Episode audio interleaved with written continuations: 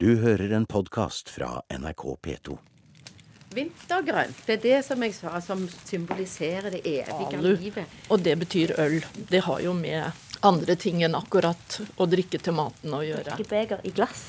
Et veldig kostbart og tatt fram ved høytider. I, eh, I det gamle bondesamfunnet så var eh, ølbrygging eh, helt sentralt. Den eh, flotte jernaldergården på Ullandhaug i Stavanger glir naturlig inn i det heiete landskapet. Nå skal vi bli bedre kjent med gården, og vi skal, så langt det lar seg gjøre, nærme oss jol, slik den kan ha vært feiret her. 300-400 år etter Kristi fødsel, men mange hundre år før kristendommen nådde de nordjærske strender og resten av landet. Arkeobotaniker og forsker Eli Kristine Soltvedt, professor i arkeologi Siv Christoffersen og arkeolog og gårdsansvarlig Inger Horve skal sammen med museumspedagog Ellen Kjørnholm Bø gi oss julestemning. Det er ikke alt som er gravd ut her. Sånn at det der er området her rundt, så er det, er deler som ikke er gravd ut. Og der, på den opprinnelige gården så var det fire hus. Opp på høyden, Ja, der ligger det en bronsealdergravhaug. ja den og ser jeg der bak oppe. Ja. der Ja. så er det, er det stjernegraver, og har det ligget tre. Og der, til, til høyre her bak de husene så går det en gammel hulevei fra det gamle landskapet. Hun kommer litt nærmere opp, og du snur deg, så ser du Hafrsfjord utover.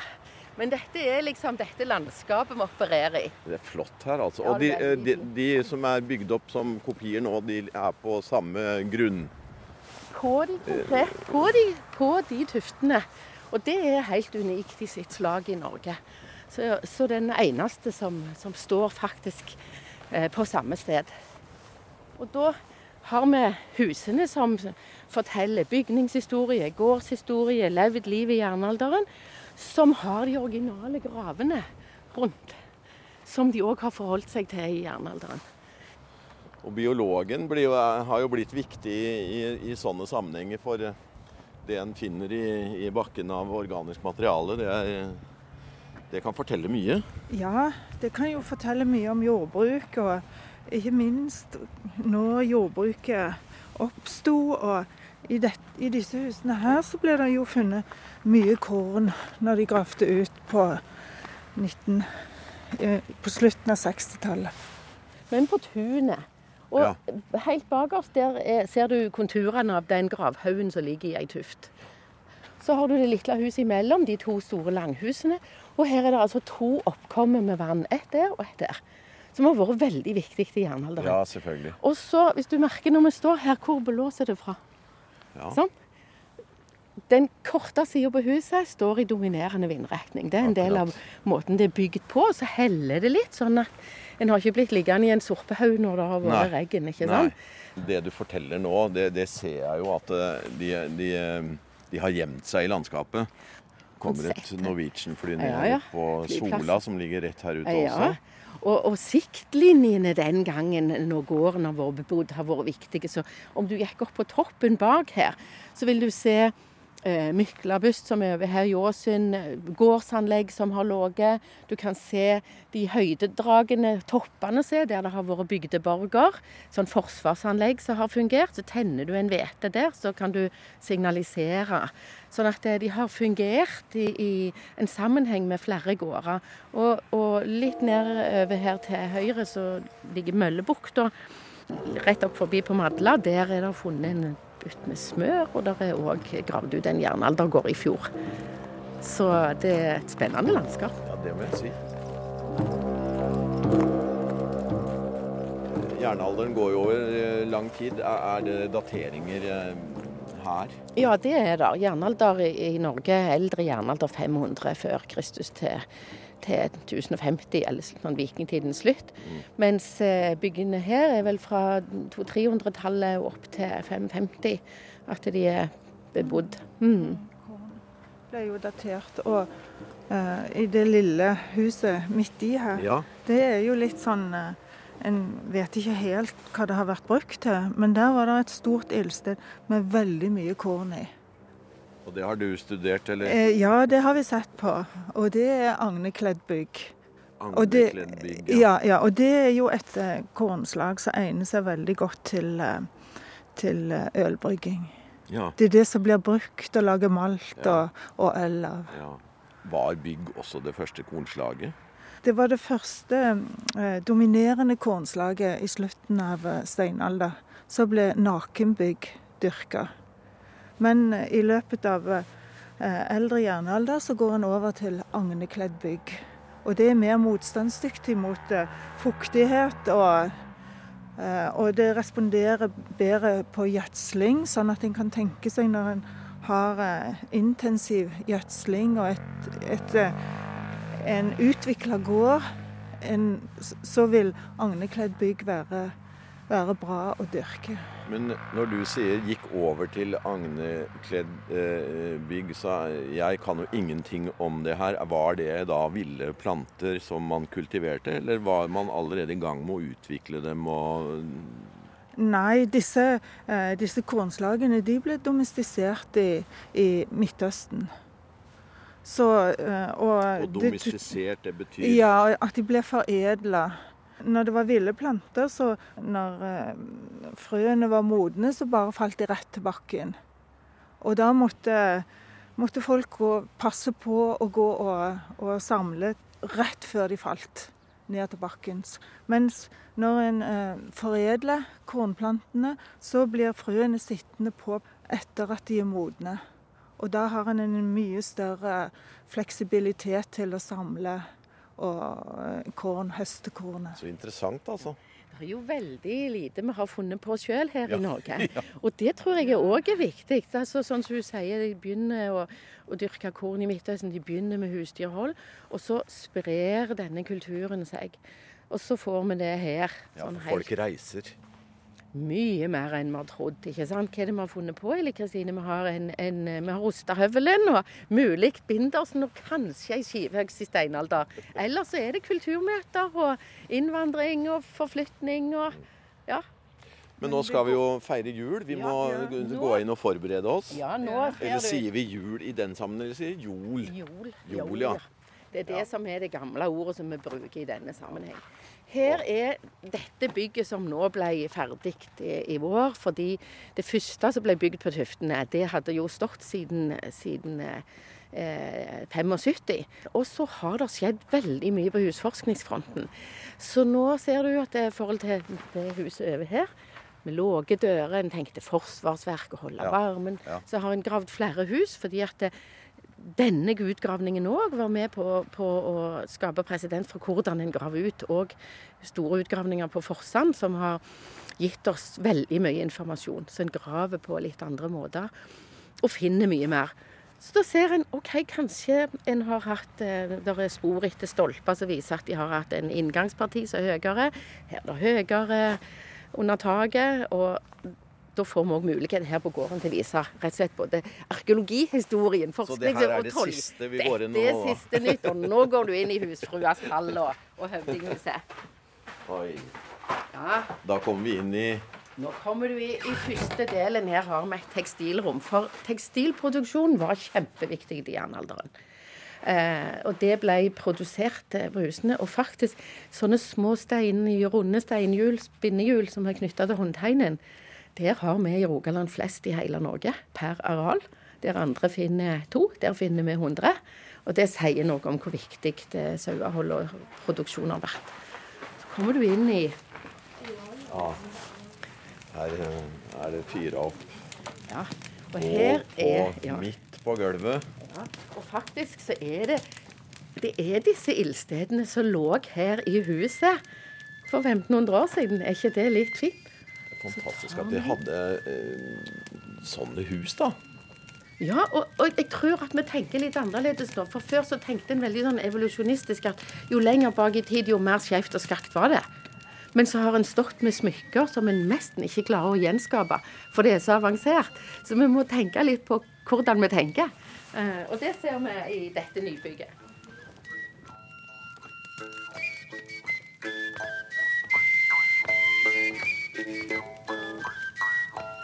Nå er det tid for eh, arkeologen. Professor Siv Christoffersen er ekspert på epoken jernaldergården tilhører. Folkevandringstiden. Ja, hva vet vi, og hva vet vi egentlig om feiringen eh, den gang? Altså, vi, vi, har jo litt fra de skriftlige kildene, og noen av de går faktisk tilbake til 900-tallet, som i hvert fall er eh, gått inn i vikingtid. Da har vi både skallekvad og lovgivningen, som etter hvert også forbød julen. Sånn at vi vet litt. Vi vet om dette her om å drikke jul, og vi vet at det ble blotet.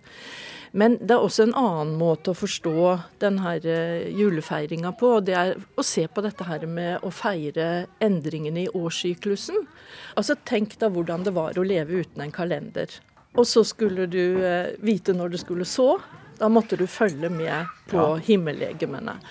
Og den julefeiringa som vi vet at vikingene, og sikkert enda lenger tilbake, hadde, det var midtvinters 12. januar. Ja, for det var etter vår julefeiring. Ja. ja. Og da kan en jo lure på, altså Når en tenker på innholdet i jula, da, at hvis det har med årssyklusen å gjøre, så feir, så er det jo ikke vintersolverv. Det er jo tidligere. Men det er hvordan er det? Det er første nymåne etter første fullmåne etter vintersolverv. Det er jo sånn de måtte gjøre for å holde styr på De kunne jo ikke si de skulle feire 12.1. Nei. Nei for det. men, men, eh, men, det blir omtrent 12.1. Så, sånn at jeg har lurt mye på Feirer de og ofrer de for at sola skal komme tilbake, hvis det er det det handler om. Og det er det sikkert, selv om de også feirer andre ting. Eller feirer de det at den har kommet tilbake, for det begynner de kanskje å merke da. Og dette her er jo fryktelig gammelt, for altså det går jo helt sikkert tilbake til de første jordbrukerne. Og vi vet jo mye om dette her i bronsealderen også. At de har feira og de har markert disse her endringene i årssyklusen. Og ting endra seg ikke i disse samfunnene, for det var ingen overordna, verken kirke eller konge, som kunne si, sånn som de gjorde i middelalderen, at nå endrer vi julefeiringa. Det var først da. Da slutta de å drikke jul og skåle for de norrøne gudene, og, ble påbudt å fortsette med det drikkeritualet, men de skulle drikke og skåle for Kristus og Maria. Når mørket kommer på her, i, i våre trakter, så, så hang en til å feire og lyse opp litt i tilværelsen. Tror du det også var eh, den gangen? Helt sikkert. Jeg tror at hele julefeiringa er en veldig sammensatt høytid. Det er det enda, av gammelt og nytt, og av de helt fundamentale tingene i livet. Og også, som også var fundamentale den gangen. Sånn som vi sitter her. Lyset og bålet er he helt essensielt. Og vi merker stemninga rundt her, og det har vært kjernen i livet til veldig mange. Bålet, det er sola nede hos oss på jorda. Det er det som gir lys og varme. Du som arkeolog, du forholder deg jo først og fremst til, til ting som blir funnet. Og ikke så mye skriftlig materiale som mm. liksom historikerne overtar, selv om det er veldig flytende grenser der, selvfølgelig. Eh, hva, hva har man funnet da som forteller noe om Eh, tidligere tiders eh, festligheter? Altså hvis vi, hvis vi, ser på dette her med at det å drikke jul var noe av det helt sentrale i julefeiringa. Og, og hvis vi går tilbake til den tida hvor, her, hvor de har bodd i huset her, så, så finner vi jo f.eks. drikkebeger i gravene. Ikke i alle graver, men noen av de som ligger på de sentrale og store gårdene. Og det de legger i gravene, det er jo ting som har betydd helt spesielle ting. Det er ikke tilfeldige ting. Det er ikke hverdagskoppen? Nei. Og der har du veldig fine eh, glassbegre som faktisk har gått i, i arv gjennom flere generasjoner før de endelig ble lagt ned i gravene. Og, og, vi vet jo litt fra andre kilder hvordan dette her med ombæringen av drikkebegeret foregikk. Da gikk husfrua, og vi har det fra Beowulf, hvor det er den vakre dronningen som bærer drikkebegeret rundt i hallen. Og så kommer Beowulf, helten, til å love dronningen. Da har han drukket litt, så lover han dronningen at han skal drepe monsteret Grendel. Og det du lovte når du fikk drikkebegeret, det var bindende. Så denne her ombæringen av drikkebegeret, det var en veldig viktig sosial institusjon, hvor du egentlig du måtte var helt fast rekkefølge hvor du skulle gi drikkebegeret til. Og som sagt, det som ble lovet og sagt, det ble lov. Så det var en veldig viktig institusjon, som også hadde en helt grunnleggende betydning ved julefeiringa. Og selvfølgelig måtte de ha de med seg til forfedrene når de skulle fortsette å komme der med den rollen og den identiteten og statusen de hadde. Men den kunne vel ikke bare holde på å drikke? Nei, nei, det gjorde de sikkert. men, eh, men de, det vi også vet, er jo dette her med blotingen, med ofringen som ikke er like festlig. Ja, si litt om det også. Ja, altså, vi, vi vet jo ikke akkurat hva de gjorde, men, men i, fra andre sammenhenger så har han jo beskrevet både ofring av mennesker og dyr. Dette her gjaldt vel kanskje, håper jeg, mest ofring av dyr. Og, og, så har jeg sett også at det er jo noen som også legger et sånt veldig praktisk element til denne ofringa. For med midtvinter så visste du hvor mye fôr du hadde igjen, og du så hvor mange dyr du hadde. Og så måtte du kanskje begynne å ta ut dyr. For du så at alle disse her kan ikke overleve vinteren. Og så er det kanskje også en del av denne ofringen som selvfølgelig ble gjort til gudene. Til Odin, til Thor og til Frøy var det du ofret til i, i, uh, i julefeiringa.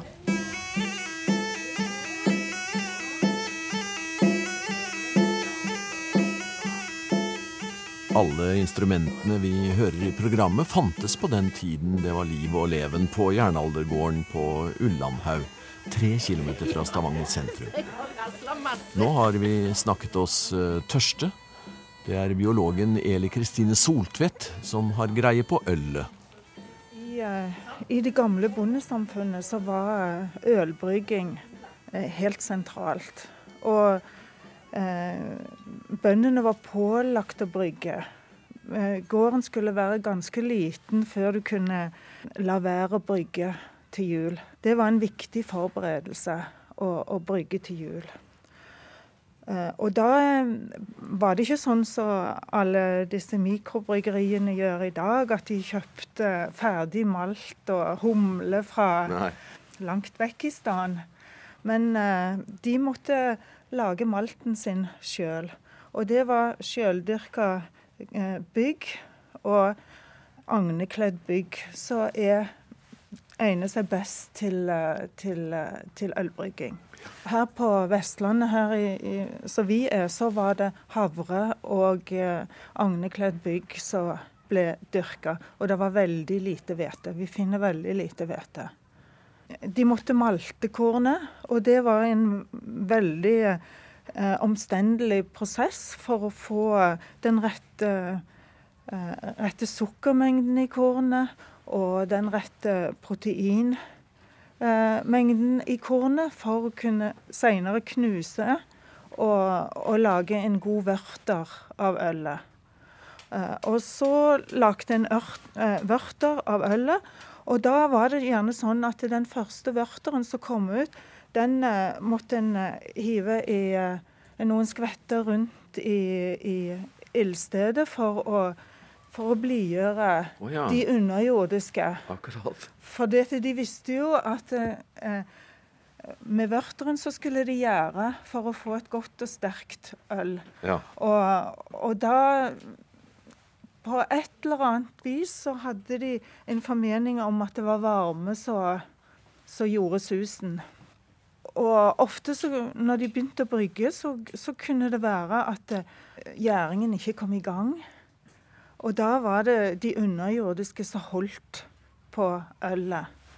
Og da tok en gjerne en rødglødende uh, hestesko, la ned i uh, ølet, altså før ja. Sånn at det begynte å, å gjære, og ja, en kunne få. Og det var veldig viktig at han som brygget, eller, uh, eller det kunne være kvinner òg som brygget, at de ikke var i uvennskap med noen. Oh, ja. Så eh, det hadde òg veldig mye å si for Det ville påvirke ja. uh.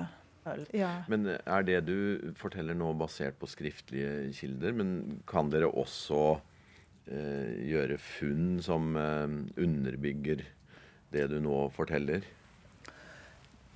Eh, vi finner jo korn eh, helt siden eh, sen, eh, sen eh, steinalder for 4000 år siden.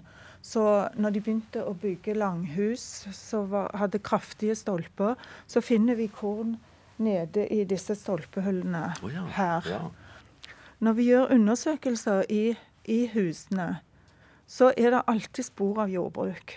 Vi finner enten Om vi ikke finner, finner ett, to korn kan vi finne, eller så kan vi finne ugras. Så vi vet de må ha dyrka jorden, og de, vi vet de må ha hatt korn på gårdene siden eh, eh, yngre steinalder.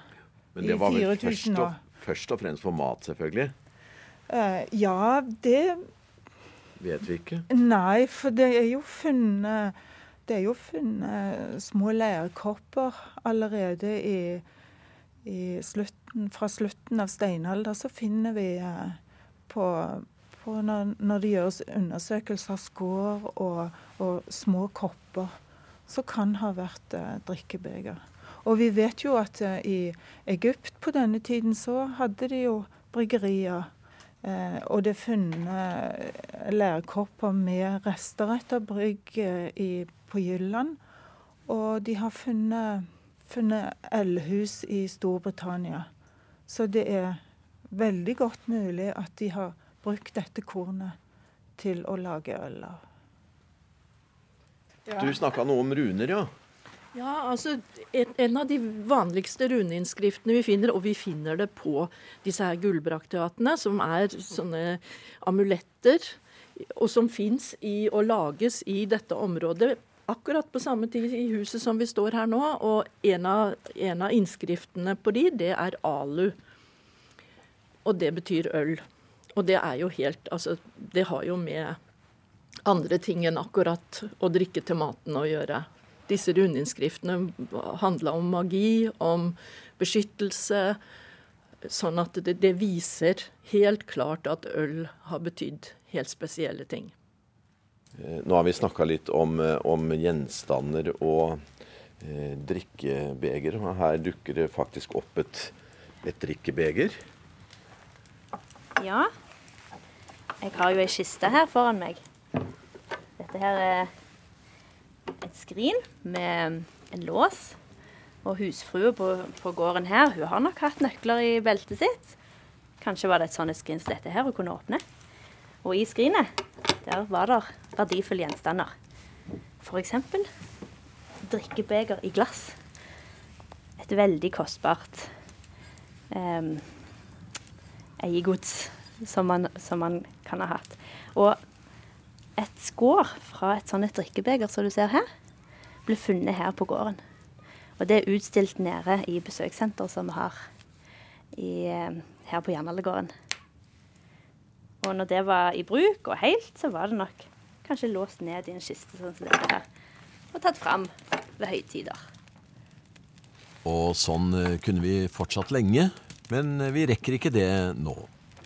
Er en på disse trakter, så besøk Jernaldergården.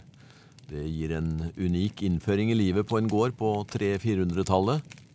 Og i det nye museumsbygget rett ved gården er flere av de spennende funnene fra utgravningene utstilt. Nå avslutter vi med en liten omvisning i hovedhuset på Jernaldergården på Ullandhaug. Hvis du hadde gått opp i huset her og sittet her i høgsetet på et gilde her i jernalder, så hadde du hørt litt lyden av dyr. For nå går vi inn i fjøset. Kom her. Langt hus, har du. Flott Ja. sånn skinnportier. Ja.